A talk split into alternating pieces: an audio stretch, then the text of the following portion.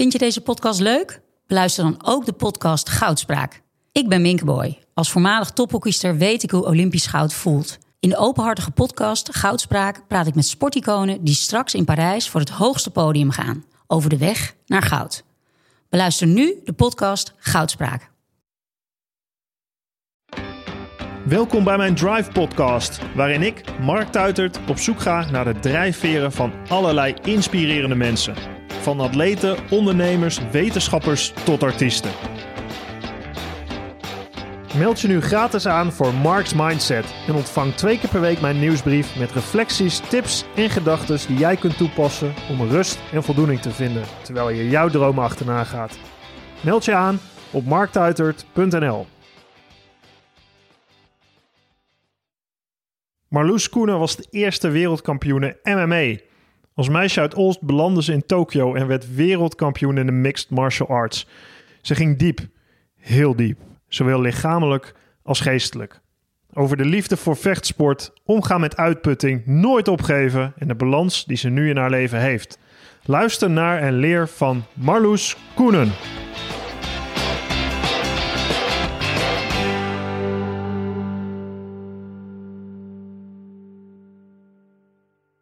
Even een lekker theetje erbij. Ja, ja. Even, even, even warm worden. Sterke thee. Ja, ik hou niet van slappe thee. Nee, hè, want we staan hier. We staan de podcast. Dat vind ik ook eh, een keer mooi. Eh, Ik heb mijn geluidsapparatuur vastgemaakt aan 15 kilo gewichten. Eh, want we staan in uh, R-Grip in de sportschool. Nou, vechtschool moet ik eigenlijk zeggen, toch? Ja, als je het heel precies wil zeggen, dan zeg je dojo. Dojo. Ja. Juist. Dat is een betere bewoording. Ehm, in jouw dojo. Was voorheen mijn dojo. Ja. Ik heb hem met Roemer opgezet. Het is nu een vondelgym geworden. Van, eh, ik, zeg altijd, ik zeg altijd, dit is de gym van Ari. De gym van Adi. ja, en, eh, maar het is nog steeds eigenlijk dezelfde eh, gym. R-Grip, het is nu natuurlijk Ja. corona, maar ehm, eigenlijk is er niets veranderd. Dus de lessen zijn hetzelfde, de trainers zijn hetzelfde. En alleen ik hoef hier niks meer te doen. Dat vind ik wel fijn. Lekker. ja. Hey, ik wil het, ja, we gaan door jouw carrière heen, Marloes. Ehm, ten eerste, je bent geboren in Olst. Ja, Eh, in? Overijssel. Jazeker, ik kom ook uit Overijssel. Holte. Oh, Eh, echt? ja, ja. Oh, ben je ook een boertje? Ik ben boerenzonne. Ja, echt? Oh, wat cool, ja. Ja. Ik roep het het heel hard in Amsterdam. Want vaak gooi ik ook wel... Ik woon niet natuurlijk al echt heel erg lang. Maar ik, soms gooi ik er nog wel eens van die boerenwoorden erin. Zoals kat. Ken je dat? Kats, Ja. kats dikke, kats, Ja, kats kapot. En bikken. en dan zie je... En soms heb ik... Soms Niemand snapt waar wij nu over hebben, maar dat geeft Nee, niet. ja, maar dan zie je mensen ook echt kijken. En ik, oh ja, je kan me wel uit Ols halen, maar Ols niet uit mij. Nee, precies. Mooi. Ja, want ja, uit Olst, hè, op steenworp afstand van Deventer, eh, daar ben ik eh, ook opgegroeid. Nou, we zijn eh, rond dezelfde leeftijd. Kijk, maar ik ben gaan schaatsen. Een hele natuurlijke Nederlandse sport natuurlijk. Jij bent in vechtsporten en met name in MMA, Mixed Martial Arts, terechtgekomen voor een meisje uit Olst. Leg uit. Ja, dat is meer logisch dan je denkt hoor. Ik, ehm, ik moest op een gegeven moment naar een middelbare school van ons naar Deventer fietsen. En heel veel vriendinnetjes deden, eh, hadden andere roosters. Dus ik moest ook vaak in mijn eentje fietsen. Dan had je twee wegen, eh, de Molenweg en de Diepeveense Ja. En beide wegen die hadden wel ja, verlaten stukken. Dus als je eh, het eerste uur moet beginnen, is het nog donker als je in de klas zit. Dus moest je in het donker fietsen. En op een gegeven moment waren daar verhalen over potloodventers. En eh, toen dacht ik, oh, nou dan moet ik mezelf wel leren verdedigen. En ik wilde eigenlijk gaan kickboksen, maar dat is voor mijn moeder niet zo'n goed idee, want dat, eh, dat was te ver weg. De kickboxschool zat naast mijn middelbare school. Dus ik mocht gewoon naar de middelbare school fietsen, maar niet naar de kickboxschool. Nou ja, dat laten we in het midden. En eh, toen ben ik in eh, dorp dichterbij, in Diepenveen, ben ik begonnen met Braziliaans Jiu-Jitsu. En ik dacht, als iemand mij van die fiets aftrekt, dan moet ik wel wat kunnen. En met Braziliaans Jiu-Jitsu leer je vooral op de grond technieken. Dus armklemmen, beenklemmen, maar ook Ja. kantelingen, opstaan, dat soort dingen. En de eerste les, ik zag daar twee mannen over elkaar heen rollen. En ik werd er heel ongemakkelijk van. Ik was echt een beetje aan het lachen. Ik dacht, oh, ik mag niet lachen, ik mag niet. Maar ik vond het zo weird. Twee volwassen mannen die aan het rollen waren. En dat zegt natuurlijk alles, omdat ik helemaal niet naar Overijssel, we Nederlanders, Ja. we zijn heel dat contact maken zijn we helemaal niet gewend. We hebben het liefst op armlengte afstand dat we met elkaar communiceren. En vooral, we hebben het nu in de coronacrisis hoor je ineens huidhonger. Nou, dat heb ik nog nooit in mijn leven gehoord, eh, dat mensen dat woord in hun mond namen. En, eh, maar dat, het, ja, het, er klikte wel iets in mij. Want ik dacht van ja, dit moet ik leren als ik van die fiets af word getrokken. En zo is het eigenlijk eh, begonnen. Daarvoor deed ik tennis en volleybal. En van schaatsen kon ik niks. Wel geprobeerd. ja, ja, ja. Nee, joh, ik, ik had de schaatsen van Valko Zandstra. Oh, wat goed. Ja, Ik kon er geen zak van. Pootje overal helemaal niet. de reps van Ja. Volko. hey, maar hoe, eh, wat was je eerste, de eerste keer dat jij dan Brazilian Jiu-Jitsu de- deed? Wat, wat, wat was het gevoel? Had je meteen zoiets van, hey, dit, dit is tof, dit is gaaf? Of los van het feit dat, dat, je, dat je het als zelfverdediging gebruikt? Eh, nou ja, de- heel eerlijk, dat weet ik allemaal niet meer. Ik heb sowieso een heel raar geheugen. Dat komt niet voor de klappen, het is gewoon hoe ik gewired ben. Maar ehm, ik denk, ik denk, als ik er nu op terugkijk, er klikte iets in mij. Ik ben wel iemand, hè, je kwam net binnen, we waren aan het praten. En ik voelde al gelijk dat we op dezelfde vibe zaten. Mhm. En een heel makkelijke gesprekken. En je ziet gewoon dat mensen die, eh, wat ze ook gaan doen, een bepaald niveau halen, die hebben allemaal eh, eenzelfde kern, denk ik. En, of ze spreken die kern aan.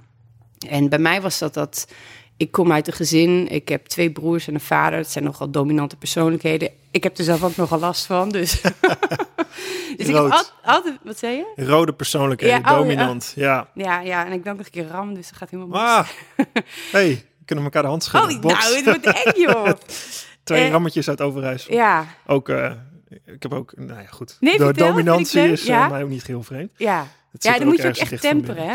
Ja, moet je Ja. echt leren temperen, ja. Ja, Ja, ja ik net precies. probeer dat op mijn manier ook echt te doen, maar Ja. eh, dat is Ja, maar ik voel nodig. het wel. Ik, dat is heel grappig. Als je heel veel hebt gevochten en heel veel contact hebt gemaakt met mensen, dan voel je gewoon instant als iemand binnenkomt. eh, Vaak heb ik ook zo, eh, ja, dat gaat automatisch zo van dat ik zo'n beetje inschaal op, als vechter. Hm. En je voelt die kracht van mensen gewoon. Hm. En er zit die kracht wel in iedereen, maar bij eh, sommige mensen zit het gewoon wat dieper verstopt dan bij andere mensen. Bij andere mensen zit het wat meer naar de oppervlakte. En ik denk dat bij mij door die, die lessen, ik moest dus, ik was al ge- gewend om met dominante mannen om te gaan, hè, en letterlijk vechten met mijn broer. En daar leerde ik eh, handvatten om daarmee om te gaan met die energie en mezelf te testen en uit te dagen. En waar ik achter kwam, was dat er veel meer kracht in me zat dan ik dacht. Nee, dat is natuurlijk wel heel raar. Want ergens heel diep van binnen wist ik wel dat, ik nogal een powerfiguur was. Maar aan de andere kant, eh, als meisje krijg je allemaal cues als je opgroeit. En, ehm, eh, Zoals? nou ja, eh, het gebrek aan voorbeelden. Dus de middelbare school, allemaal leraressen. Maar wie, wie was de baas? Een man. Je gaat naar de huisarts in Olst, alleen maar mannen. Burgemeester was een man. Je gaat naar de middelbare school, de rector is een man. En als je dan kijkt ook naar eh, de beelden die je als meisje tot je krijgt. Hè, je wordt toch gelijk eh, eh, in het roze gestoken en je leest glossies. En in de glossies gaat het alleen maar over vooral je uiterlijk als kapitaal. Over vrouwen die vechten samen om een man. Het gaat niet om die vriendschappen, tenminste vroeger dan. Ja. En En gaat het ook niet over, over eh, het gaat niet over ook de fysieke capaciteit van een Nee. vrouw? Of, of bedoel je dat het ook? gaat wel over de fysieke capaciteit, maar alleen het uiterlijk. Nee, ja, ik bedoel echt de fysieke capaciteit, gewoon met je, met je Ja. lichaam, wat je zelf kan, in plaats van hoe het eruit ziet. Ja, dus wat ik altijd zeg is van... eh, bij vrouwen, als het leeuwen zijn... en ik denk dat in iedereen een leeuw en een schaap zit... maar bij vrouwen wordt, wordt de, de leeuw onderdrukt en Mhm. de schaap gevoed... en bij mannen is het precies andersom. En ik kijk veel meer vanuit, je bent een mens. Hè? De meeste van ons hebben twee armen, twee benen. En, eh, en zoek gewoon uit wie je daarin bent. En de martial arts hebben me echt bevrijd uit dat kader eigenlijk. En dat ging heel geleidelijk. Want ik begon met, met wedstrijden, met Braziliaanse jiu wedstrijden. Ben je Nederlands kampioen geworden, toch? Ja, ja. Oh, je hebt je goed voorbereid. en ehm, dat waren de, de eerste wedstrijd moest ik tegen een vrouw vechten. En die Mhm. was ouder dan ik, langer en zwaarder. Hoe oud was je? Ik was denk ik 15. En zij was eh, ergens in 20, gok ik. Dus dat was toen echt een groot verschil. Ja. En die won ik volgens mij op armklem, weet ik niet meer. Maar dat was gewoon in de, in de hal, in Diepeveen, in die sporthal. eh, Mat, matjes, zo judo-matjes op de Ja. grond gelegd. Maar dat voelde heel heftig. En de tweede keer moesten we naar Oost toe. En dus dat was eh, niet in mijn eigen eh, eh, safety zone. Ik moest ergens naartoe. Het was in een andere dojo, een echte dojo, dus geen sporthal. En ik moest tegen een vrouw, die was nog ouder, nog zwaarder. En ze had tattoos. Nou, dat vond ik wel heel, heel, heel, heel heftig. En ik weet niet meer hoe, maar die partij heb ik ook gewonnen. Dus ik leerde in die wedstrijden confrontaties met mezelf. Maar ik leerde ook dat er meer in mij zat dan dat ik durfde te dromen. En op een gegeven moment was echt, eh nou, dat was nog in de jaren negentig. Dus ehm, ehm, de vrouw raakte op, want er deden niet zoveel Ik wou net zeggen, hoeveel vrouwen deden eraan? En was het Weinig. Braziliaanse jiu-jitsu of was het ook wel MMA? Nee, nee, nee, toen nog geen MMA. Ik kreeg wel af en toe verzoekjes, maar ik vond het zo ordinair. Ik denk, dat Ja. ga ik niet doen. Vergeet het maar. Ja, want MMA was in de jaren negentig eigenlijk, dat, dat kwam op. Je had als toen- nieuwe toen werd- sport. ja, er werden kamervragen gesteld. Er was Ja. toen in Drenthe was er een eh, evenement georganiseerd. Kooivechten was het Ja. eh, toen echt. Ja. En eh, ze wilden het toen verbieden. En toen heeft Maarten van Bottenburg, die heeft een heel mooi rapport over geschreven. En het E Terpstra wilde het toen verbieden. Mhm. En dat is natuurlijk allemaal niet gebeurd, thank God.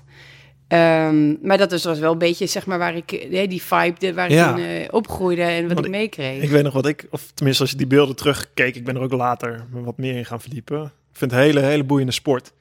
Dat, de, de, de vraag, zeg maar, wie de beste vechter is. Hè, Waar ooit die UFC de eerste serie mee was. De, judoka, de, de, de worstelaar, de Cadeau. Gerard Cadeau, de- die de eerste partij eh, vocht. Ja. Volgens mij ooit. Pardoel ook nog. Ja. En, en de vraag is, wie, wie blijft er staan? Wie, wie heeft nou de beste techniek, de beste... Ja. Wie is de beste Eind- vechter eindelijk die eigenlijk? discussie beslechten. Ja. Precies. Maar wat ik Heel vet idee. Ja, dat is fantastisch. Maar het is eigenlijk de oudste Olympische sport. En dat weten Ja, heel weinig mensen. Ja, ja.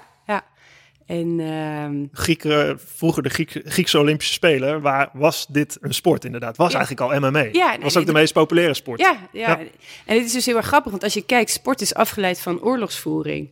Dus als mensen dan tegen mij zeiden van... ehm, is toch geen sport en dit en dat. dacht ik van ja, maar waar hebben we het over? Is voetbal meer sport dan vechten? Ik denk eerder dat het andersom is. In de Griekse, de Griekse oudheid werd de, werd de oorlogen stilgelegd om eh, Olympische Spelen te houden. En dan kwamen alle, Echt? Dat wist ik niet. Wat cool. alle steden, stadstaten bij elkaar om, eh, om te bepalen wie, eh, wie de grootste krijgers had.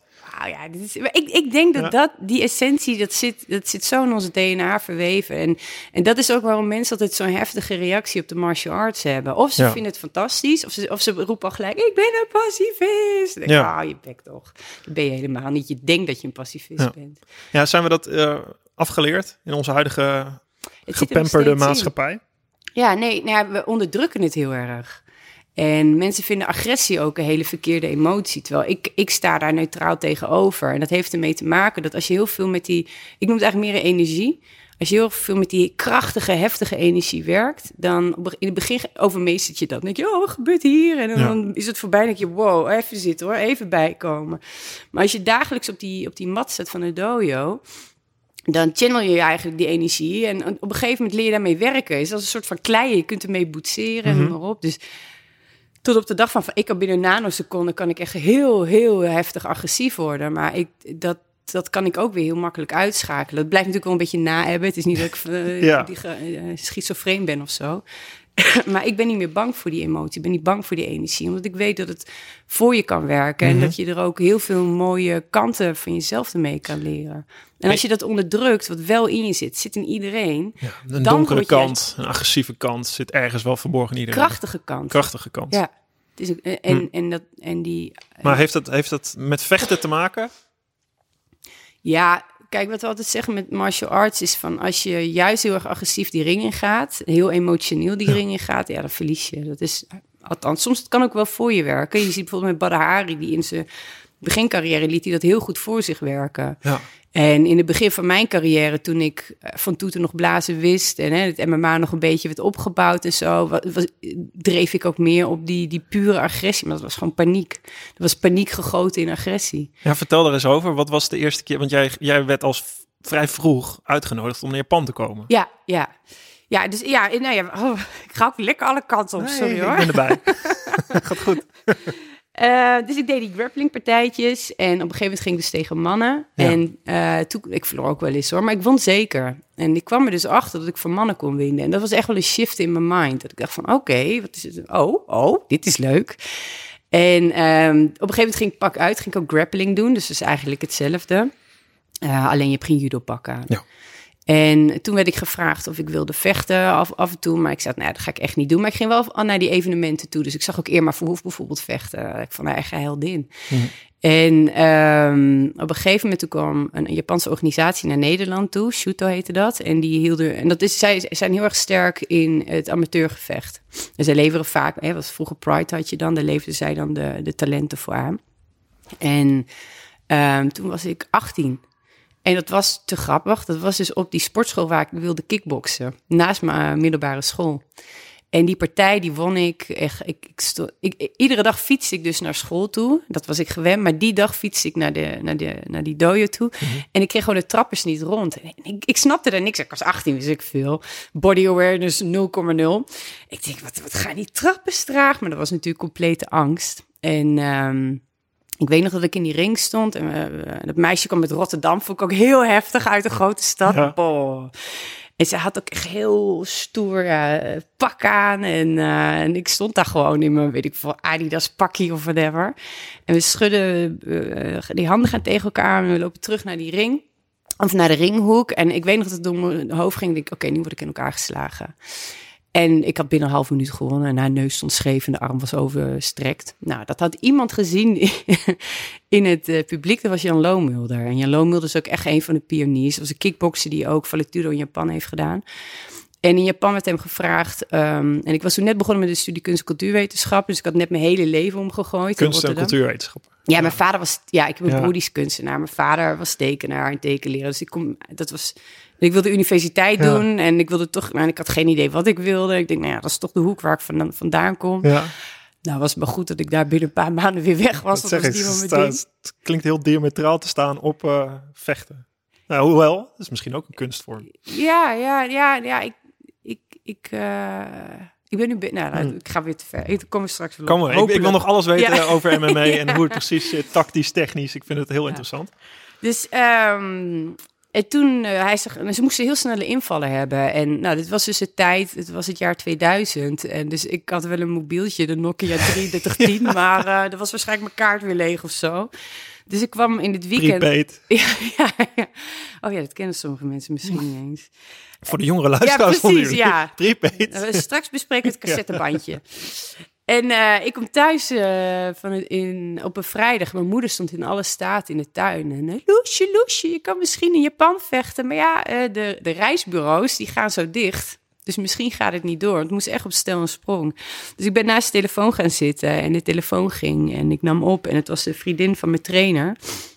En die zei, wil je in Japan vechten? We moeten nu weten, er kan misschien nog een ticket worden geboekt. Dus ik zei ja en ik ging op. Ik heb echt gewoon niks gevraagd. Ik dacht ja, ik wil naar Japan. Want Japan was echt mijn droom om daar ooit... Ik dacht dat ik het nooit zou halen. Hè? Ik, durfde, ik kon nog niet gro- groot dromen als, als, als puber. Ja, maar Japan, dat was de wereld van K1 eh, Ja. op die manier toch ook? Ja, maar ook de bakermat van Ja. martial arts. Ja, En, eh, Waar de stadions vol zaten eh, ja, ja, Voor, voor vechtsporten. ja, ja, echt. Zeker met K1 en Pride natuurlijk. Hè? Mhm.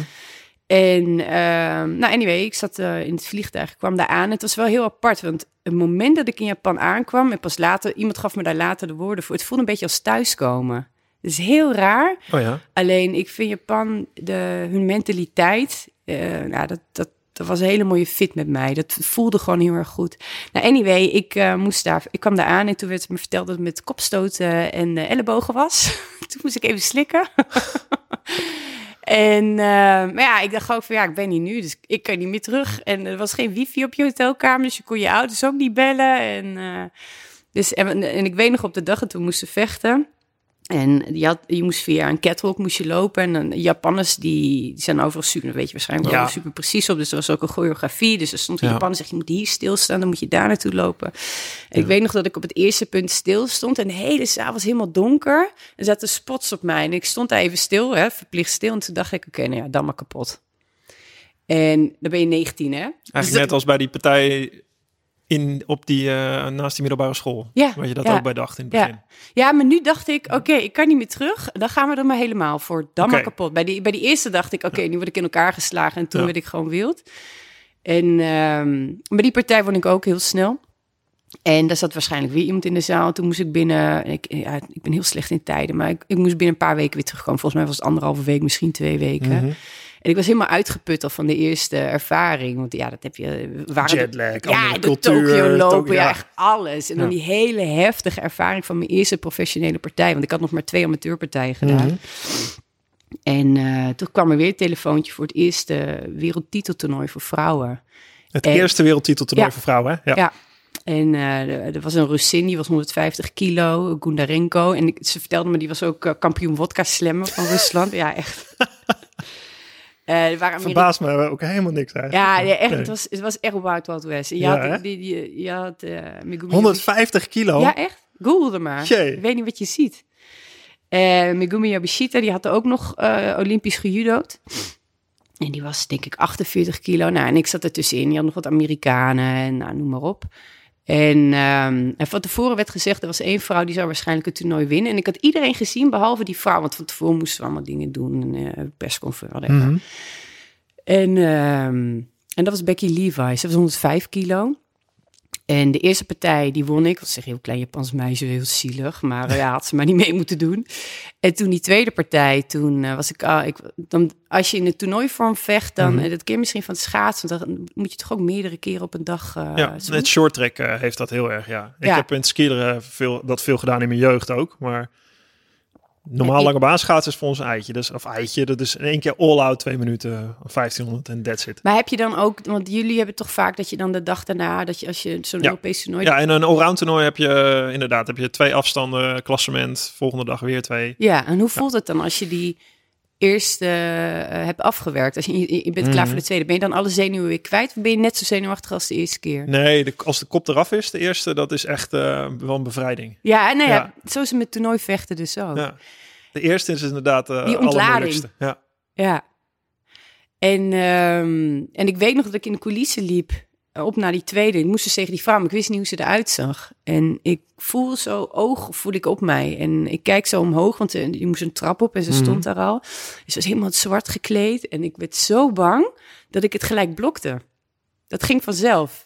En Wat, wat bedoel je ik, precies? Ik blokte wat die blokte energie, je? het Je blokte dat ik haar tegen energie. haar moest vechten. Dat, dat hele concept dat ik daar in de ring ging staan. Dat een persoon haar- was, überhaupt?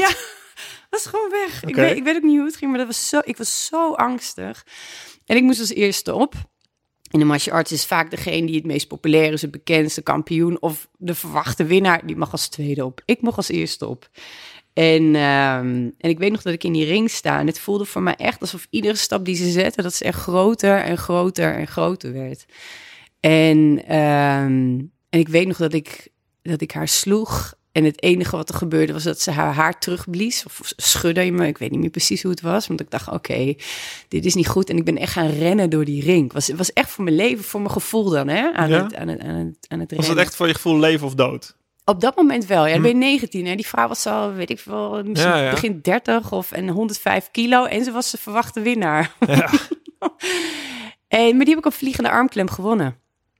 En, ehm, en toen ging ik door naar, eh, naar de finale. Toen moest ik tegen Megumi Yabashita. Toen dacht ik, en toen was ik, ik was zo uitgeput. Maar ik dacht, ah ja, dat doe ik wel. Klein Japans meisje. Hmm. Dat was dus niet het geval. Dat was drie keer vijf minuten vechten. En ik weet ook nog dat op een gegeven moment had ik haar geslagen. En toen stond ze voorover. Toen dacht ik, oh, als ik er nu in de gezicht trap, is de partij voorbij. Maar dat kon ik niet. Dat vond ik te zielig. En toen ben, ben ik nog de rest van de tijd alle kanten op gegooid. En, ehm, en somehow heb ik die partij op punten gewonnen in Japan. En wij- ik dacht dat ik verloren had, omdat het op punten ging. En Mhm. in die tijd was het nog, nou, was niet zo heel erg eerlijk. Ehm, en toen werd ik dus de eerste kampioen ever. Ja, geheel mee. onverwachts. Ja. Op je negentiende. Ja. ja, en toen dacht ik, nou, eh, ik ga liever de kooi in dan, eh, dan de studiebanken. Dat studie. ja. Maar wat gebeurde er toen eh, met je? Kwam, kwam er toen de we- een wereld op je af? Of was het MMA nog zo, zo Wild West, zo Nou, twee, be- beide. ongeorganiseerd? Het laatste, maar emotioneel het eerste. Dus ik kwam ook aan op Schiphol en toen stond een uh, Japanse journalist die in Nederland woonde, Endo-san. Hij zei, oh Marloes, iedere vrouw in de wereld wil niet tegen jou vechten. Nou, Ja. dat kwam even binnen hoor. Dat, dat, daar werd ik echt, dat kwam zo knijterzat binnen. Want ik was alleen maar bezig van, oh wil je? Ja, tuurlijk. Oh, wil je dit? Oh ja, tuurlijk. En ineens was ik kampioen. Maar ik was er nooit op voorbereid. En uh, ik had geen concept. Als je nu uh, 15 bent en je denkt, ah, MMA is leuk, kun je alles op internet uitzoeken. Ja. En er zijn al kampioenen en er zijn al meerdere kampioenen. Er was helemaal niks. Nee, de blauwdruk die was er niet. Nee. En er waren wel mannen, maar ja, in Nederland hadden we dan Peter Aarts en ja. Hoost, hè, Sam Schild. Maar dat was kickboksen. Ja. In, in het MMA, je had Bas Rutte, maar daar had ik vaag van gehoord. Maar ja, dat kon je nog niet opzoeken op, uh, op internet natuurlijk. En er werd ook wel met een nek aangekeken nog, denk ik, of niet? Tot op de dag van vandaag. Ja, ja. nog ja. steeds? Het, het begint te veranderen. Op een gegeven moment zag ik dat mensen uit de grachtengordel, om even zo te zeggen, Ja. die begonnen ook ineens een beetje te tweeten erover. Van Ja. het, het- een beetje, beetje, weet je, eh, roughness aan hun profiel toe te voegen. Zoals ik lees niet alleen goede boeken, nee, ik, ik volg ook MMA. Weet je, Mhm. dacht ik, oké, nou, dit, dit begint een kentering te Mhm. komen. Alleen ik denk dat in Nederland, wij zijn zo Calvinistisch en ehm, wij zijn zo niet in contact met onszelf. En misschien, ik hoop echt dat, dat, dat de coronacrisis daar verandering in gaat brengen. Dat ik denk dat de martial arts veel te heftig zijn eh, voor een bepaald deel van de Nederlanders die heel erg, nou, wat echte opiniemakers zijn. Mhm. Want als je kijkt naar het kickboksen, maar het is ook typisch dat kickboksen is, worstelen is niet groot in Nederland. Dat is Nee. veel, te veel, veel te veel contact. Contact, ja. En het kickboksen, dat is wel contact, maar ja, op een hele andere manier. En dat past ook heel erg bij de Nederlandse volksaard. En als je dan kijkt naar vrouwen vooral, vrouwen het liefst op een zak slaan. Terwijl ik denk, ga alsjeblieft grappling doen. Ga worstelen, ga MMA doen. Wat Kom is in dat? contact. Wat, wat is dat, dat contact en dat MMA? Want jij hebt het, als ik je een beetje volg en eh, ik, ben, ik ben ook maar een buitenstaander. Ik, ik begrijp iets van sport, maar ik probeer deze sport te, te leren en te begrijpen. Ehm, als ik jij, je, je, je, je praat heel makkelijk natuurlijk over iemand slaan, een armklem, eh, arm breken. Volgens mij is dat ook eh, vaak genoeg gebeurd. Ehm, hoe, wat maakt MMA zo speciaal? Is het als ik je, je, je hebt grappling, je hebt eh, technieken uit de Brazilian Jiu-Jitsu, je hebt gewoon eh, iemand vol op zijn op smoel slaan. Ja. Je hebt, je, er zit zoveel in. Als ik jou er wel eens over hoorde praten, dan is het een soort, het is bijna schaak of tactiek. Er zit, er zit, zit zoveel componenten aan. Wat maakt die sport zo mooi? Voor Ja, jou, Het hoe kijk je ernaar? het is heel creatief. En je raakt nooit uitgeleerd. Dus het kickboksen is heel leuk. En ook hè, met de podcast die we met vechtersbasis doen. Een- je merkt op een gegeven moment kickboxers die de overstap maken naar MMA. Die zeggen, wow, er gaat echt een wereld voor me open. Mhm. Want ik, en misschien zeg ik dit verkeerd, dan moet je even, even aanvullen. Maar ik kan me indenken dat als je bij sport als kickboksen of bij schaatsen... kun je heel erg in de details de verdieping zoeken. Ja. En, da en dat lijkt me dan het plezier wat je erin hebt. Zeker, dat, dat zit in schaatsen, is dat zo? Ja. En voor mij is het, ik ben, eh, ik heb heel erg die prikkels nodig. Ik vind het heel tof om in een hele, om onder druk en in een hele, in een fractie van een seconde bij nieuwe oplossingen te moeten komen. En dat kun je met martial arts. En waar, wat ik het allermooiste eraan vind, en dat is vooral voor mensen die, eh, die dan zeggen, ja, ik wil wel, maar ik vind het een beetje eng. En dan, dan leg ik het altijd uit van, ehm, op het moment dat je gaat bewegen, ga je uit je hoofd en in je lichaam. Mhm. En daarom is het nu alleen al goed met die coronacrisis dat iedereen moet lekker moet gaan bewegen. Mhm. Maar als je dan ook nog eens een keer een, eh, een sportoutfit aan doet, dan doe je je normale uniform doe je uit. Mhm. Dus er gaat eigenlijk een laagje van wie je denkt, die, die zet je even, die parkeer je even. Je bent niet meer die persoon met die baan en die partner of wel of niet en dat huis en et cetera. En dan ga je bewegen, dus dan ga je wat minder denken en ga je meer in je gevoel zitten. Maar wat je dan met de martial arts hebt, is het dat als je die, die stoten en die ellebogen en die trappen, dat zijn hele, is hele grove motoriek. Dus er Mhm. gaat een, die alpha vibe, die gaat omhoog. Die ga je Mhm. voelen in je lichaam. En daarom vinden mensen op een zak slaan zo lekker, want dat is echt bam, bam. En je denkt, ah, ik kan er weer aan. Ja. Ja, Ja. het is fantastisch om te Mhm. voelen. Ga je worstelen, dan moet je heel erg, en dat heb je vaak in de marge ook, heb je die, dat, die vergelijking van een twijgje en de eik in de storm. De, de eik breekt af en het twijgje geeft mee en die staat Mhm. na de storm overeind. Dus je moet heel erg gaan voelen. Je moet heel erg die interactie met die andere persoon hebben. Ehm, dus je hebt die energie van dat hele grove. Dan heb je de energie van het in contact komen met die ander. En, en jezelf eigenlijk daarin een beetje... Je wordt eigenlijk één met die ander. En dan ga je nog een keer op de grond, waarbij je ook nog eens een keer mag stoten. En Dus het wordt heel erg complex. En daardoor gaan er een, ja, ik zeg, er gaat een luikje in je, in je buik open en er gaan energieën stromen. En omdat het zo complex is, ga je helemaal uit je, uit je hoofd en helemaal in dat lichaam zitten. En ik denk dat daar de essentie zit van wat het nou zo mooi is. Het is heel kwetsbaar. Hè, je, kan tegen, je kan niet de rekker de schuld geven of mijn schaats is niet goed geslepen. Het is jij alleen met je hele hebben en houden op die mat of in die kooi of in die ring. En ik denk dat dat, dat kwetsbare, dat dat zo mooi is. Maar als jij in een partij zit, dan, dan, dan ik kan me heel erg goed voorstellen dat dit in trainingen met heel veel technieken eh, heel, heel mooi is. Maar als, als je echt het gevoel hebt op leven en dood, wat je zei in het begin van je carrière, eh, hoe, hoe doe jij dat dan? Want je bent, je bent twee keer wereldkampioen bij Strikeforce geworden. Daarna, ja, de, Ja, eerste sta- keer was je al, hè? De eerste keer was je al. ja, dus ja heel daarna, goed, netjes. Ja, sorry. Je bent, En jij de- bent beter dan ik. Nee, nee. nee, ik heb. Maar de, de, hoe. Zeg maar, die, die partijen ook. Ik, ik, ik heb er een paar gezien ook. Die los je, je lost volgens mij heel veel op dan met een, met een dat je, dat je denkt van, hé, hey, je bent de onderliggende partij, maar dat je in één keer een klem uit de hoek haalt ergens, dat je denkt van, wow, en iemand meteen klaar is, je tegenstander. Of je gaat door en ze breekt de arm. Ja. Uh, is, wat, wat is, is dat een oplossing die je ergens zoekt in zo'n partij? Is dat, is dat overleven? Is dat... Ja, ik, vond, ik vind eigenlijk zelf dat ik het liefst wilde winnen op KO. Want voor, terwijl de meeste mensen in de martial, in het MMA vinden de submissions het tos, maar ik niet. Ja. Ik vind Alleen de- je hebt 23 wins, 8 losses, 17, 17 submissions. Ja, ja, ja. En toch vind ik... Ik ben ook heel erg beïnvloed door mijn broer. Eh, Ja. Die begon dan thuis over allemaal dekkers en zo. En John Bloeming en noem maar op. En hij begon met karate, ging daarna kickboksen doen. Maar ik heb een ontzettend respect voor de staande vechters. Hm. En het staande gevecht. Want Maar heb je genoten afgelopen weekend? ja, ja nee, ik moet... Oh nee, Oh. afgelopen week moet nog... Ik was te Oh. druk. Ik moet nog... Ja, nee, ik weet over wie het. het hebt. Ja, ja. Nee, maar ik weet, ik weet de uitslagen wel. en van gisteravond weet ik ook al de uitslagen. Ja. Maar ik had geen tijd. Nee, die ga ik zeker kijken. Ehm, Wat over Max Holloway. ja. eh, heb ik het al. ja. Ja, I know. Ehm, Ja, voor het publiek, dat, eh, Oh, ga, ja. die terug, Ja, ga die terugkijken. Want ja. het, eh, als je het hebt... eh, ja, hij had nu de allermeest significant strikes ever. En er Ja. waren er drie, drie partijen en hij zit in alle drie de partijen in de UFC met de meeste. Ja. Ja. Ehm, waar hadden we het over? staand vechten en Oh ja, staand submissions. ja, en maar wat het moeilijke is van... Kijk, met submission, ik had altijd een hele goede flow. Dus je kan heel makkelijk van fase 1 naar fase 2 naar fase 3. Mhm. Fase 1 is de staande, tweede is werpen, derde is grond. Dus ik, ik zag heel snel oplossingen. Ja, Alleen wat heel erg moeilijk is, ik had altijd het gevoel dat ik er maar opklapte. Later leerde ik dat ik een hele intuïtieve vechter was. Ehm, maar is, met- dat is toch intuïtie ook? Overschakelen naar een ja, ik, ik was super intuïtief. submissie, dat je... Maar wat, als je bijvoorbeeld mijn partner Roemer eh, hebt, of eh oh god, hoe heet hij nou? Oh, nou, ik ben even, ik ben even zijn naam kwijt. Anyway, maar dat zijn mensen die, dat zijn countervechters. Dus die kijken, die kijken, die, die geven een jab, maar die, die kijken hoe ze reageren en die gaan een patroon zien. En als ze het patroon één keer hebben, dan gaan ze aanvallen. Ja. Dan weten ze, dan hebben ze de oplossing. Ja. En in het staande gevecht is het, probeer maar eens een keer een stoot te ontwijken. Het is zo moeilijk. En probeer maar eens een keer een stoot te ontwijken, in te draaien en een uppercut of een lever of whatever te geven.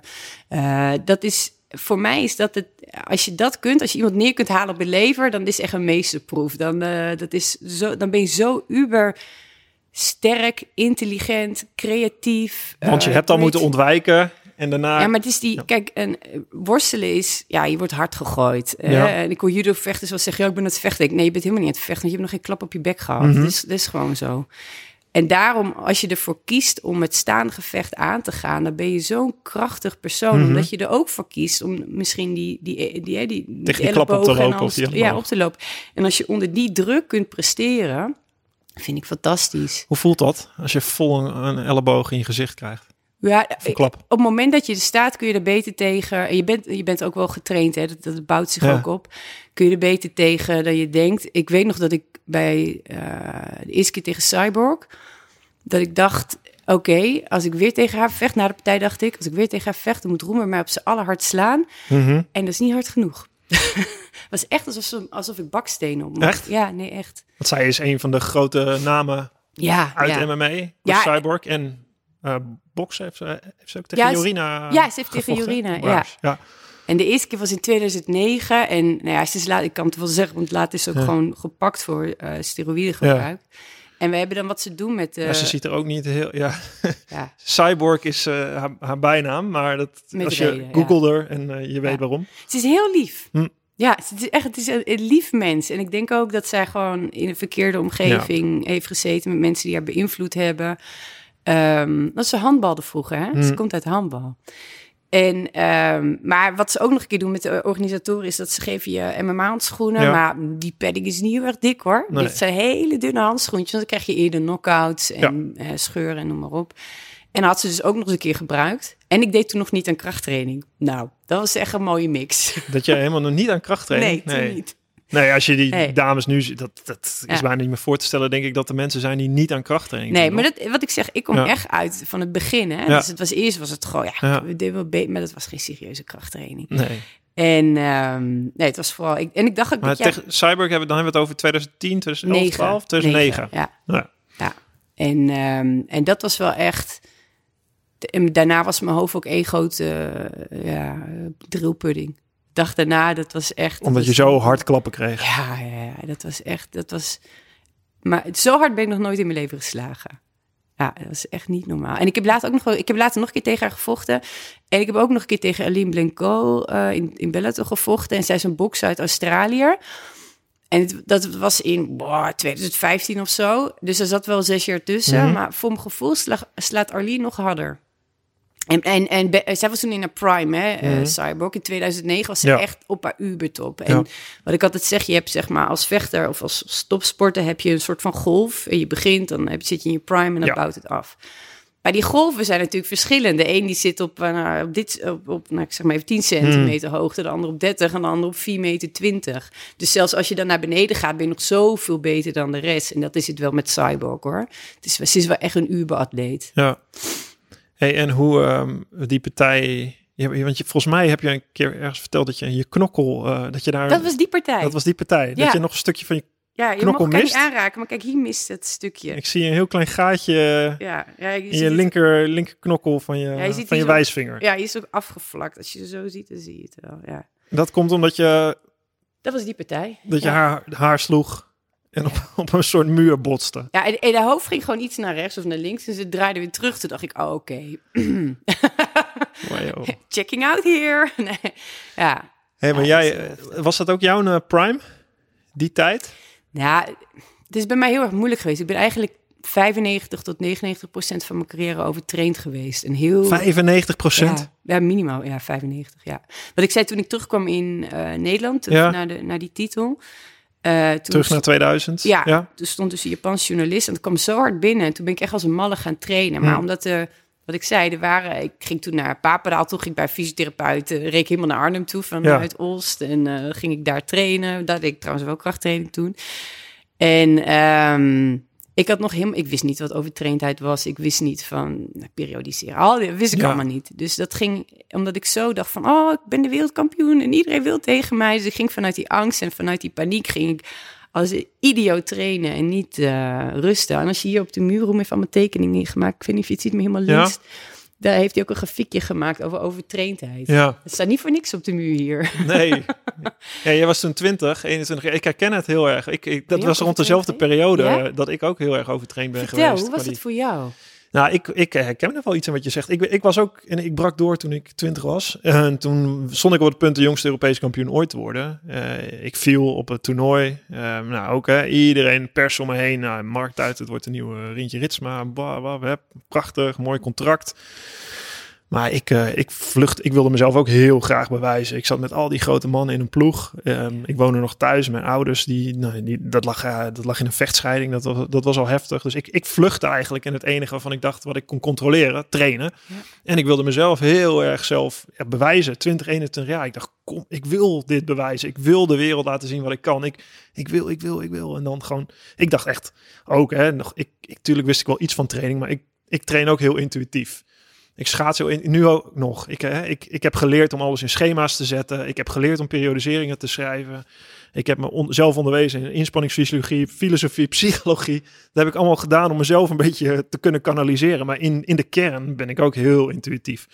En die intuïtie, die, die, ehm, die ging eigenlijk spaak op het moment dat ik zo hard trainde dat ik daarbij wegdreef. En heel erg in mijn hoofd inderdaad ging zitten. En ik, ik dacht gewoon één ding. Mijn tegenstanders trainen twee keer per dag, iedere dag. Dus ik moet ook twee keer per week Ja, of twee keer per dag, iedere dag van de week trainen. Rustdagen, pss, ga weg. Doe ik niet aan. Ik heb Ja. trainingsschema als ik nog wel eens zie. Ik schreef het op. Ik dacht een dagboek bijhouden. Kijken of ik meer meters kan maken. Meer kilometers. Meer. Nee, ik ging helemaal, eh, ik ging helemaal tegen de muur op. Ik ben heel zwaar overtraind geweest. ja, ja ik, ik, ik had echt gewoon... Nou, dat vertel ik straks. Maar ik weet van jou, hoe, hoe zag jouw overtraindheid eruit? En waar, nee, laat ik zo zeggen. Ja. Wat was het moment dat je echt dacht, oké, dat je omviel, zeg maar? Oh, dat, het moment dat ik het zelf dacht en dat het daadwerkelijk zo was, er zat nog drie, vier maanden tussen. Het was voor de buitenwereld al duidelijk, alleen ik had het zelf nog lang niet toegegeven. Dus ik werd... De Olympische Spelen van 2002 kwamen eraan. In augustus 2001 gingen wij op hoogtestage naar Salt Lake City. Nou, hoogte, jetlag, team erbij, Olympisch seizoen. eh, tel alle Ja. nou, belast, extra belastende dingen. hè. Het is niet gewoon een trainingskampje op Papendal waar je rustig ga- gaat. Het is echt eh, alle heftige dingen voor je lichaam gebeurde daar. En ik bleef nog een drie, vier dagen langer. Ik, eh, om, om nog extra tijd door te brengen op de Olympische ijsbaan samen met Erben Wennemars. Nou, we waren allebei helemaal naar de kloten. Het sloeg helemaal nergens op wat we deden. Twee weken later naar Lanzarote trainingskamp. Overtraind, ziek. Maand later Calgary. Eerste twee dagen meteen ziek. Daar begon het al. Ziek, verhoging. Het enige wat ik dacht na ziekte was... Oké, ik ben nu net beter. Ik moet het inhalen. Ja, ja. Dus ik ben net weer beter. Ik voel me weer oké. Kan het weer? Ja. Oké, nou dan meteen weer harde rondjes rijden. Meteen kijken of ik nog kan. Meteen bijtrainen. Bijtrainen. had je dan ook, ja, had je ook dat je eh, dan s'nachts wakker werd en dat je, de gevoel- dat je onder de douche had gestaan, zeg maar, dat soort dingen? Wat waren jouw symptomen? Ik had, ehm, nee, ik had op een gegeven moment kwam ik in november, was ik in mijn eentje eh, in, in Insel.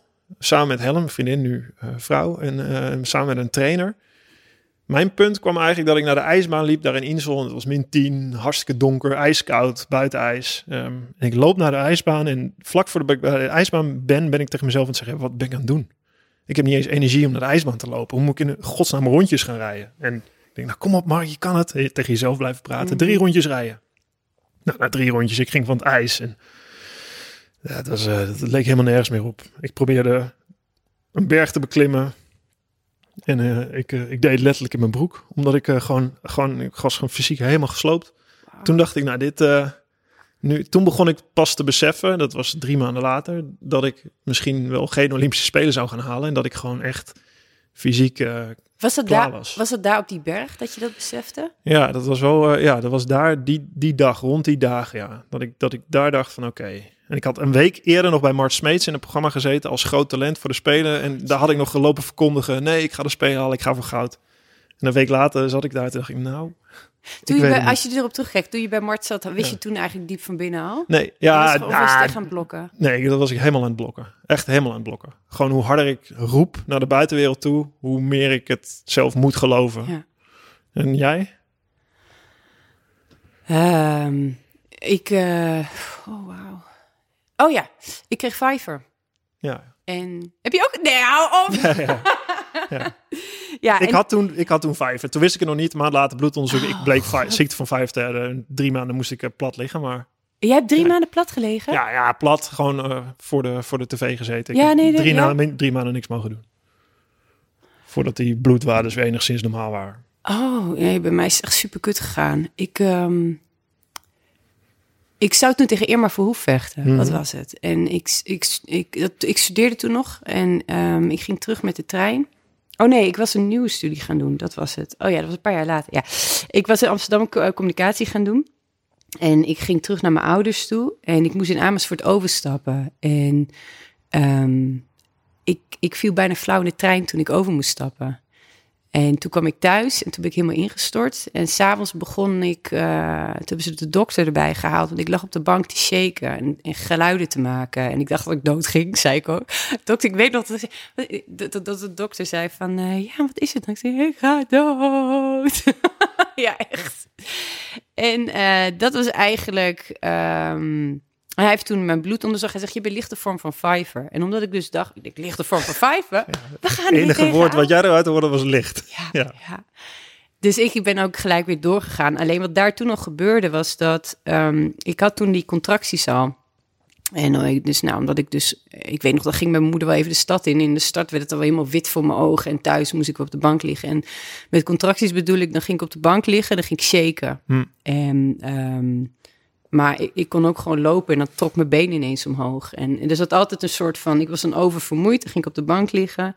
Dan begon ik eerst heel heftig te shaken. Dat is echt van, de, ik zeg dat de Exorcist, die film, dat Mhm, zo'n mhm. bed ligt. Nou, dat was ik. En daarna kwamen de geluiden erbij, maar echt harde, dierlijke geschreeuw was het dat. En eh, daarna eh, kwam er een hoogtepunt en dan begon ik heel diep en ook weer heel dierlijk te huilen. En daarna was, ik, was het eruit, was het uit mijn systeem en dan lag ik versuft op de bank. Wow. En ehm, En belt je moeder de dokter toch? ja, maar het, is, heeft zich allemaal opgebouwd. Hè? Mhm. Op een gegeven moment was het normaal. Wist je, oké, moest even getraind. Soms Ja, dat is het een beetje. Hè? Op Ja. een gegeven moment raak je eraan gewend. Ja. Dat je, oké. Ja, maar ook, ik, als ik nu terug denk, jeetje, oh, het is, maar er was met mij ook niks te beginnen. Want ik had zo'n doel, ik had zo'n drang en ik moest en ik zou. En, Ja? ehm, Waarom? Maar ik viel ook neer met trainingen en dan lag ik zo te shaken op de... En nu denk ik, oh, wat moet het heftig zijn geweest voor iedereen om Ja. me heen.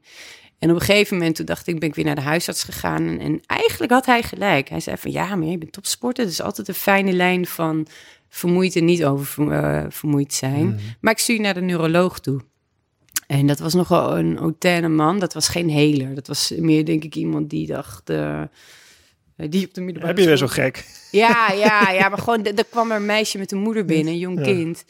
Dan, als ik een dokter was geweest, dan was ik daar anders mee omgegaan. Maar hij heeft alle testen gedaan en ehm eh, EEG, al die dingen.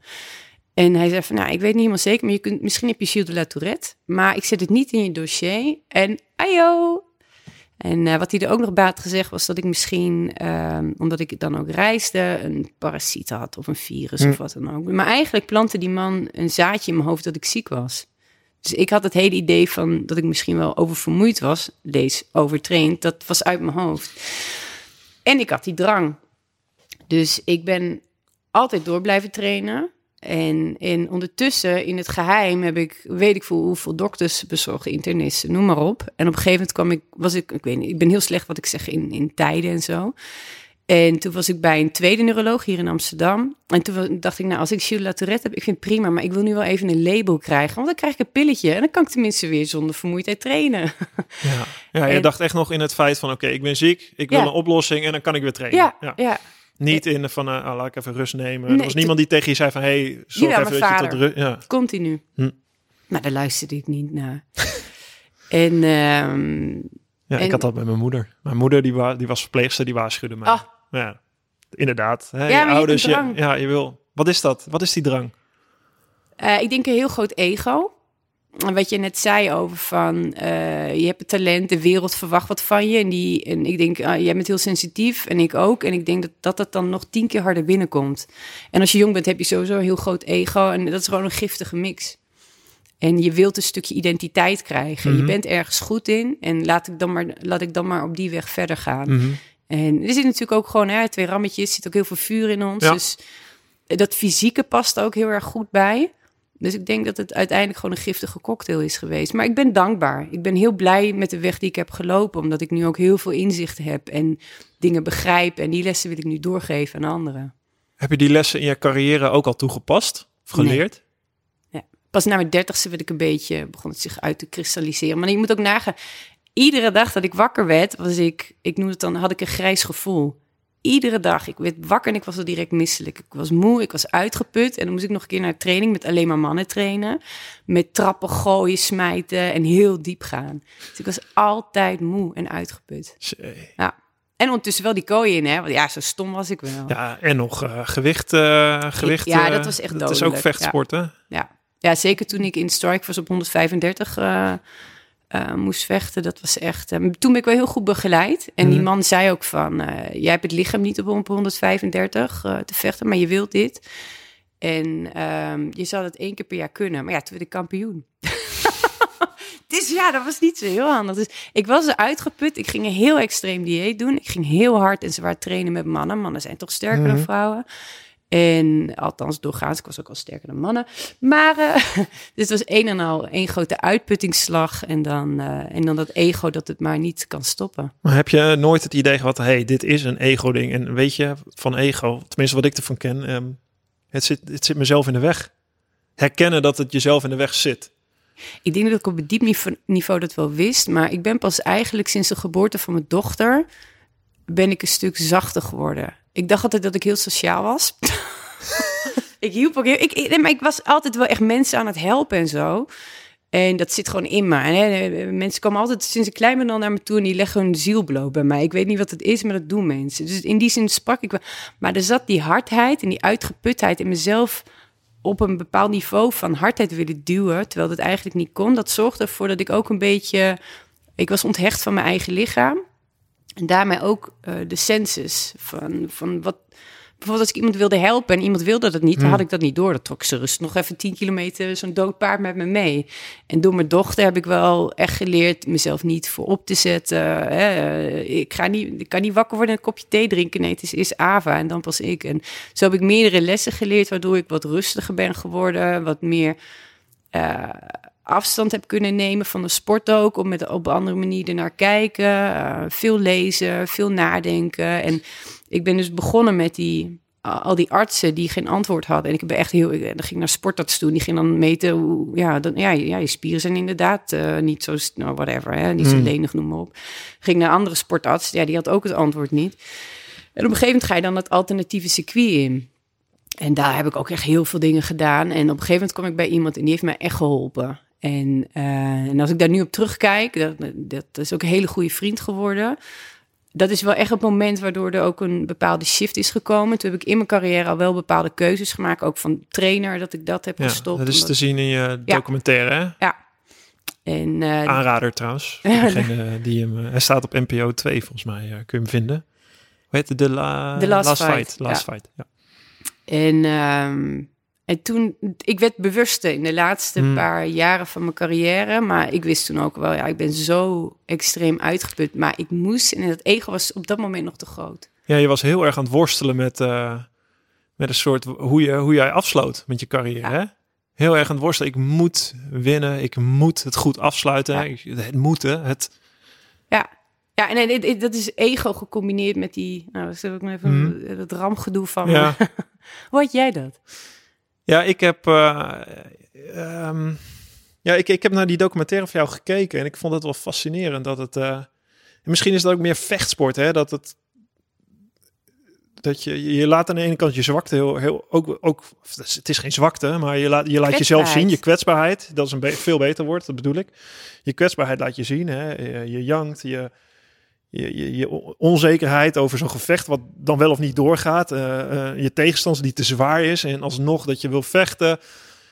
Dat is volgens mij, dat maakt, dat bedoel ik, dat is denk ik ook de vechtsport of het MMA waar je in zit. Wat, wat heel heftig is, wat, wat fysiek is, wat, wat, wat je tot in de, in de kern binnenkomt. Omdat het een soort gevecht nou, op leven en dood voor je gevoel misschien is. Heb ik het idee als ik, als ik er naar kijk. En ik had dat bijvoorbeeld op die Olympische Spelen dat ik goud won. Dat gevoel had ik heel sterk van tevoren. Dat dit, dit is het. Dit is leven of dood voor. Natuurlijk weet ik het rationeel. Het is een schaatswedstrijdje. Het heeft helemaal niks met leven of dood te maken. Maar voor mijn gevoel is dit waarvoor ik alles gedaan heb en getraind heb. En aan het einde van mijn carrière ben ik wel. Heb ik wel. Ik ben ook. Ik dacht ook na mijn Olympische goud. Nou, ik heb nu gewonnen. En dan komt er dit en dat. En wauw, die wauw. Nou, dat gebeurde allemaal niet. Of op een andere manier dan ik dacht. En ik heb echt de laatste twee jaar van mijn carrière echt besloten. Oké, ik ga ervan genieten. Ik ga er zoveel mogelijk uitproberen te halen. Ja, ik wil winnen. Maar, en dat moet ik zeggen, ik had Geert van Velde. Die komt ook bij ons uit de buurt als coach de laatste twee jaar. Die was Olympisch kampioen geweest. En die, um, ik heb echt wel periodes gehad dat ik dacht van fuck, weet je, dan ging het niet. Ik dacht, is dit nou de manier waarop ik moet eindigen? Weet je, ergens uh, achteraf met een. Uh... En Gerard die zei het wel mooi tegen mij, zo Mark, je hebt alles al gewonnen. Wat, ja, wat heb je nog te winnen? Wat wil je? Geniet ervan nu. Je hebt nog een paar jaar. Je bent al Olympisch kampioen. Ga gewoon doen waar je goed in bent en geniet daarvan. Ik dacht, en dat had ik eigenlijk even nodig, dat iemand dat ook tegen me zei. En dacht, toen dacht ik wel, ja, je hebt gelijk. Het is ook zo. Ik heb alles al gewonnen. Natuurlijk wil ik winnen als ik op, aan de startstreep sta. Dat zit er gewoon in. Dat, hè, je gaat niet half je best doen. Dat, je gaat niet in één keer een andere markt worden. En, uh, jee, ik heb... Uh, ik heb mijn best gedaan. Ik heb mijn best gedaan. ja, precies. Nee, no way. Ik sta daar en ik wil winnen. Dat, maar dat hoef je niet, weet je, dat hoef je niet... Dat hoef je niet zo op te leggen op je, aan jezelf, weet je. Het is, het is op een gegeven manier dat je dat zo erg tegen jezelf aan het zeggen bent, dat het een soort dogma wordt van ik moet winnen, ik mag niet opgeven. Dat zijn allemaal van die, van die termen, van die labels die je aan jezelf hangt, um, waarmee je het jezelf gewoon lastig maakt op een gegeven moment. Weet je, op een gegeven moment is het denk ik de kunst om tegen je ego te zeggen van ja, ik weet dat je er bent en je bent er heus wel als het startschot gaat, daar vertrouw ik wel op. Ja. Maar um, er is iets meer dan dat en dat is ook gewoon het genieten en het mag, weet je. Is het prima. gelukt? Ja, dat is gelukt. Ja, ik heb echt een heel mooi afscheid gehad. Ja, ja dat is zeker gelukt. Ja. ja. Bij jou? Is het bij jou gelukt? Uh, ja, weet ik eigenlijk niet. Ik, ik, ik ben wel heel tevreden. En, um...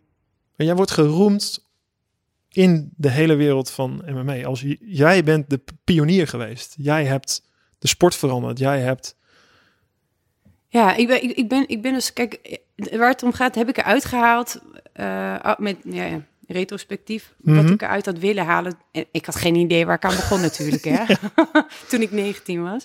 En als ik daarop terugkijk, denk ik wel, want kijk, vechten is, Iedereen denkt dat, het, dat de elleboog op je hoofd het zwaarst is. Dat is het niet. Het is de Hm. weg. En ik denk dat het, als ik naar jou luister, hetzelfde met schaatsen is. Het is de weg en de, de do, dojo. Dat is de Mhm. plaats waar je de weg leert. Taekwondo, hè, dat, dat woordje do zit heel erg in de martial arts. Het gaat om, om de weg die je aflegt. En wat leer je dan als mens? Ja, niet als sporter, maar als mens. Ja.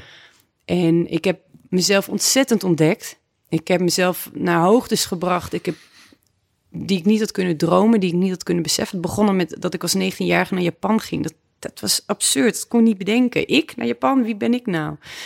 Ehm, ik heb, ben heel erg kwetsbaar geweest. Ik ben heel erg sterk geweest. Eh, ik heb ontzettend veel mooie lessen mogen doorvoelen. En, en het is, boekenwijsheid is tof. En boekenwijsheid geven je een context. Maar je moet dingen doorvoelen. En als ik naar jou luister, denk je, je hebt heel veel doorvoeld. Ja, hier ben ik het helemaal mee eens wat jij zegt. Ik heb, hè, ik, ik kom heel, je kan alles lezen en dat doe ik ook. Het is mooi.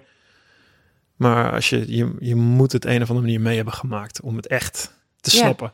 Ja, en, en, en ik denk dat je. Kijk, als je hier iemand. eh, oh, nou, dit is toch. Dan is het al bezig, dus ik ben geen reclame aan het maken. Maar ik zag dat met. eh, nu met de, misschien met de avondklok. Hm. Ehm, mensen zijn al minder gaan sporten in de tweede lockdown. Ja. En ze verwachten eh, NOC dat dat nog minder gaat worden. Ja, dat kan gewoon niet. Er zijn kinderen. Ik hoor spreek dat vriendinnen die al negen maanden thuis aan het werken zijn met twee kinderen, weet ik veel Ja. Toen dacht ik, nou, Koenen, misschien, ik ben niet heel erg van de social media, niet zo goed erin. Ik denk, weet je wat, ik ga gewoon even vragen of ik mensen blij kan maken. Dan doe ik dat in die periode 20 minuten per dag. Hm. En dus ik had zo'n poll eruit gegooid. Nou, dat is 96% deed dat. Nou, dat ga ik dat doen. En ik denk dat als ik zoiets ga doen, omdat mensen die mij volgen ook weten wat ik allemaal heb meegemaakt, dat er Hmm. een bepaalde geloofwaardigheid in zit. Ja. En dat is hetzelfde als jij wat gaat doen. En, en die geloofwaardigheid, die, die wasem je uit, die straal je uit, die neem je mee in alles wat je gaat doen. En ik denk dat je daar daarmee ook mensen echt kunt helpen. Dus je kan een squat uit gaan leggen. Nou, er zijn waarschijnlijk 30 die dat beter kunnen dan Ja. ik. Maar het feit dat ze weten dat ik dat vanuit mijn hart doe en dat ik een bepaalde weg heb afgelegd, maakt dat ik mensen kan motiveren en, en mensen naar een eh, niveau kan brengen waar ik denk dat heel veel andere mensen dat niet kunnen. En ik denk dat jij dat ook kan. En ik denk alleen dat je dat kunt als je ook heel diep hebt gezeten. Mhm. Mensen, zoals Ronda Rousey, Mhm. die was een fantastische vechter, maar dat was een bully. Zij, op het moment dat zij zelf eh, klappen kreeg, hè, dat ze haar kaak brak, toen was het voorbij. Dus nog één keer teruggekomen en was voorbij. Ehm, als je Ramon Dekkers, dat is echt mijn all-time favorite. Die man die heeft, die heeft zo'n ongelofelijke weg afgelegd. Hij heeft echt gepioneerd in, in Thailand. En hij in, in zijn laatste partijen. Eh, hij moest tegen Dwayne Bang Ludwig. Ik haal deze heel vaak aan, want dat heeft me toen, toen vocht ik nog. Dat heeft me zo geïnspireerd. Hij scheurde zijn armspier af. Hij is toch naar Japan gevlogen. En sloeg hem met de andere arm twee keer neer. Volgens mij zelfs drie keer in één ronde. En die mentaliteit, hè, dat, eh, dingen overkomen, eh, overwinnen en doorgaan. En, en, en het geloof in jezelf vinden. Die mentaliteit heeft me heel erg geïnspireerd. En dan maakt het mij niet zoveel uit of je een vechter bent. Of een mantelzorger of wat dan ook. En dat is wat ik zoek in mensen. En ehm, Is dat gedrevenheid ook? ik denk het wel, ja. In, in Japan heb je ook een concept dat heet shokunin. En als je het vertaalt, is het ambachtsman, ambachtsvrouw. Maar het, het, het is veel meer dan dat. Het gaat erover dat je iets met... Dus je kunt ook een shokunin zijn in het schoonmaken Ja. van een hotelkamer. Of in het bakken van een brood of whatever. En dat zijn de mensen die me inspireren, die me raken. En, en, en daar luister ik naar. Dus ik heb net een boek Ja, de gelezen. shokunin. Ja, ja. Er zit ook iets van Koenen in, maar nee. nee. Ik heb net een boek gelezen van Tina Turner, Happiness Becomes You. Hmm. En zij is al meer dan 50 jaar boeddhist. Een heel heftig leven gehad. En als zij dingen zegt, dan neem ik het direct één op één. Dan is er bij mij geen sceptisch meer of Hmm. wat dan ook. Dat neem ik aan. Maar als ik een of andere influencer online iets zie zeggen, dan denk ik, ja, whatever. Daar ben ik misschien ook te oud voor. Maar ja, dus dat is wat ik zoek in mensen. Met dat er een diepe passie en een diepe drive in zit. En dat je ook een maatschappelijke verantwoordelijkheid voelt. Met dat wat je geleerd hebt, dat je dat ook geeft aan Ja. anderen. Mooi. Hey, als jij terugkijkt op je carrière, nu, ehm, nu je twee, drie jaar verder bent, moeder geworden bent. eh, ik hoor jou nu praten en ik krijg een ander gevoel bij dan bij die documentaire ook. Volgens mij. Oh, wat is het mij- verschil? Vertel. Nou, volgens mij staat hier iemand die, ehm, die die overgang prima heeft gemaakt naar het gewone leven. Ehm, Ja. die, die daar oké mee is. Die, die terugkijkt op een hele mooie carrière. Terwijl wat ik in die documentaire heel erg zag, was ook dat misschien ook identiteitsdingen. Van ik ben een vechtster. Ik ben, eh, ik, ik, dat begrijp ik heel goed. Je, je kan niet topsportbedrijf op dat niveau en, en de beste willen worden als je niet wordt. Als je niet die persoon wordt. Er is geen eh, werk, privébalans of je Nee, bent het. nee. Je bent het helemaal. Dat is je identiteit. Maar daardoor kom je ook zover. Maar in, in, in het hele leven ben je het niet. Het is een gedeelte van je. Nee, maar dat zeg ik in de docu ook, hè? Ja. Dus man, ik wil Ja, je vraagt, dus stelt de vraag, ja. Ja. En ehm, het is, wat je ook moet snappen is dat een documentairemaker, Ja. die, hij heeft heel veel gefilmd. Hij is, hij Ik vind hem heel mooi, hoor. Ja, Dat is er echt zijn heel ook mooi. heel veel dingen niet ingekomen. Ja. En, een, en een documentairemaker moet natuurlijk een verhaal vertellen. Dus die gooit de elementen in en die Ja. kiest een bepaalde verhaallijn. En dit is ook hoe hij mij heeft neergezet. Mhm. Dus dat moet je ook, dat besef je niet. Ja, ik zeg hem niet zozeer voor jou, maar voor de mensen die luisteren. Ehm, ik heb daar altijd heel erg veel moeite mee gehad dat mensen mij als vechter zagen. Ja. En als ik op een verjaardag kwam, was dat: Hé hey Meloes, hoe is het? Hé, hey, wanneer moet je weer vechten? En, en mensen wilden alleen maar vragen aan mij zetten. Terwijl ik dacht: Hallo, zullen we even een gesprek hebben? Ja. Op een gegeven moment leerde ik dan dat ik dan direct kon zeggen: Oh ja, en sport je ook nog? Ja. Dus dan brak ik het. En dat komt ook omdat ik heb een hekel aan, eh, aan, dat, aan die heldenverering, Hm. aan celebrities. En ik, ik, dat, dat, dat werkt bij mij niet. En ik, ik heb ook wel gesprekken met mensen over gehad die zeggen: van, Ja, maar mensen willen helden hebben, daar willen ze naar opkijken. Maar voor mij, eh, iedereen is mens. Mhm. En het interesseert me niet zoveel wat je hebt gedaan als je als, je als mens maar geslaagd bent. En het is heel tof als je daarna nog dit, dit en dit kunt doen, top. En het komt natuurlijk ook mijn oma ehm, ehm, van mijn vaders kant. eh, en opa die zijn geëerd door Yad Vashem. En die hebben in de Tweede Wereldoorlog heel veel Joden geholpen. En, ehm, en dat was ook altijd wel die, eh, die tegenstelling die ik kon zien. Van dat als ik in Amerika was, het iedereen oeh, Marloes en handtekeningen, weet ik veel wat. Terwijl ik dacht, ja hallo, ik ben maar sporter in een kooi hoor. Dat zijn, de, dat zijn de echte helden, wil je eigenlijk zeggen. Dat ja. zijn je opa en oma die Ja. zoveel mensen van de, van de dood hebben. Ja, en, maar Ja. ook mijn moeder, die haar moeder toen zij in een, eh, in een bejaardentehuis Hmm. zat en, en niet meer verder wilde leven, omdat mijn opa was overleden. En eh, heel, wij stopte met eten en ze begon te demonteren en dat soort dingen. En de liefde waarmee mijn moeder haar moeder verzorgde, de mantelzorgers. Wat is nou belangrijk in het leven? Dat je, dat je een, een kampioen bent in de kooi of in het leven? Dat is toch, ja, en, en die, dat is uiteindelijk wat je, het wordt je heel erg opgedrongen. Ja, het werd je ook opgedrongen. En zeker in Nederland, schaatsgek land. Ik bedoel, ik zat vroeger ook altijd met chocomel voor de buis, hoor. Ik bedoel, ik weet echt wel wie je bent. En ik heb dat allemaal echt wel gevolgd. En met de hele familie erbij. Van de weekend zaten mijn ouders mijn vader nog eh, te schreeuwen voor de buis. En, ehm, en dan hebben we in Nederland ook zo'n ontzettende... eh, we kunnen niet echt van winnaars houden. We Ja. moeten ze op een gegeven moment toch weer van een, eh, de- naar beneden trekken. Dat vind ik Amerikanen doen het echt tien keer Ja. beter. Ehm, dus ik snap waar dat allemaal vandaan komt, die druk en al die dingen. Maar uiteindelijk gaat het erom, ben je geslaagd als mens? En zit het in je, je, kampioen kern in leven. Ja. Zit het in je kern goed? Ja. Mooi. We zijn terug bij de kern. Hier, diep van binnen. Ja, Daar zit het. wat vind jij daarvan? Ik vind dat ook. Ik geloof dat eh, iedereen diep van binnen ergens een kracht heeft die, eh, die eruit moet. En eh, die eruit kan. En dat mensen, dat je veel meer kan dan je, dan je soms wel eens denkt te kunnen. Ehm, en, en dat je moet, ik denk, ik geloof niet in vind je passie of vind, eh, vind dit. Ik geloof in eh, ga eruit, ga het proberen. En inderdaad, je krijgt klappen in het leven. Letterlijk soms, eh, het leven wat jij hebt verkozen. Maar door die klappen, eh, die geven je richting. Je, dan, dan, dan word je getest. En als je getest wordt, dan moet je dieper, een laag dieper gaan naar binnen. En daar iets aanboren wat er zit. En dat zit er. Alleen daar moet je wel door durven komen. Dus je moet wel die ring instappen. Eh die ring van het leven misschien. Of de ijsbaan op. En als die er niet meer is, dan zijn er nieuwe uitdagingen. Waar ik je nu ook al over hoor praten. eh, die, die, die je kan doen. En ik denk dat ja, die kracht, die, eh, die zit ergens in iedereen. Alleen die vind je niet. En het is niet alleen maar het leuke. Sterker nog, de worsteling, daar, daar, daar zit zoveel in. Als je Ja. dat leert, precies waar, waar we eigenlijk mee begonnen. Hè, die fysieke component ook, die denk ik ook heel vaak ontbreekt. Want je kan met je hoofd in boeken duiken, je kan heel veel leren. Maar ook het fysieke, het Ja. fysieke leren kennen. Je hoofd en je lichaam leren gebruiken. Om worstelingen te doorstaan en daar sterker van te worden. Ja, als je daar... eh, als, als mensen daar zich meer, eh, denk ik, bij neer zouden leggen dat het zo werkt. En daar Of omarmen? proberen dat te omarmen, ja, dan, ehm, dan hoeven we iets minder over elkaar, eh, over elkaar te, met elkaar te zeuren en naar buiten te kijken. Want dan kunnen we gewoon eh, naar, naar jezelf kijken. Nou, vind je het in jezelf? Ja, zit je in jezelf. En dat moet je met goede mensen om je heen doen. Hè? Anders, uh, anders raak je af en toe ook uh, overtraind. Zoals wij ook uh, zijn geworden. Ja. dat dat zit deels ook in begeleiding. Hoe lang ben je over, overtraind geweest? Een half jaar. Zoiets, half jaar. Drie en wanneer wist je, ik ben er weer? Toen ik um, bloedtesten terugkreeg in eind maart na de Olympische Spelen van 2002 ik ging hardlopen met een hartslagmeter om en ik werd voorbijgelopen door oude vrouwtjes die een hardlopen en ik mocht niet boven de hartslag 130. en ik kwam thuis en ik kwam juichend thuis. Ik had half gewandeld, maar ik, ik merkte weer dat mijn lichaam het deed, ja, zeg maar. Ja. En ik moest mezelf in toom houden. En dat uh, in de lente brak aan. Olympische Spelen waren godzijdank geweest. Dus toen was voor mij, uh, ik heb nog gewoon een foto, dan zie je mij, die staat ook in mijn boek trouwens, dit, dan zie je me helemaal met ingevallen gezicht, heel mager en dan heb ik zo'n groot bord boerenkool voor me liggen. Die heeft mijn moeder van me gemaakt.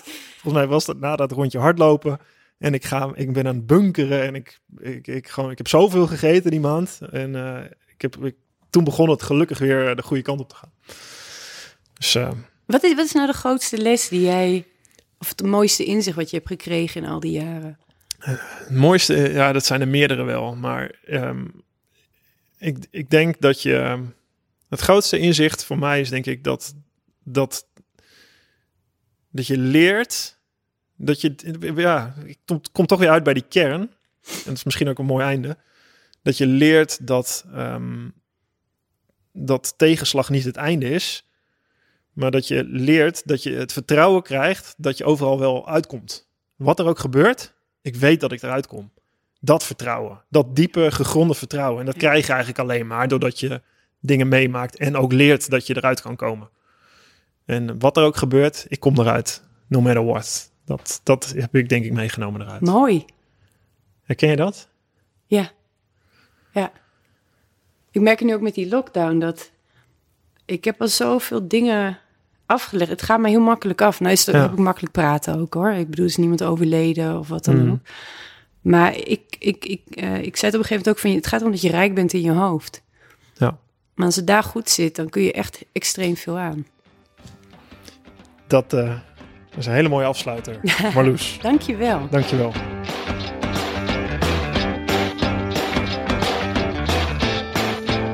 Dank voor het luisteren naar mijn Drive podcast. Je vindt mijn aflevering op Spotify, iTunes, YouTube en mijn website marktuitert.nl. Laat me weten wat je van mijn podcast vindt en deel dat via Instagram, Twitter, LinkedIn of Facebook. Heb je suggesties voor gasten? Stuur me dan een DM via die kanaal. Tot de volgende Drive podcast. Goed, Mark.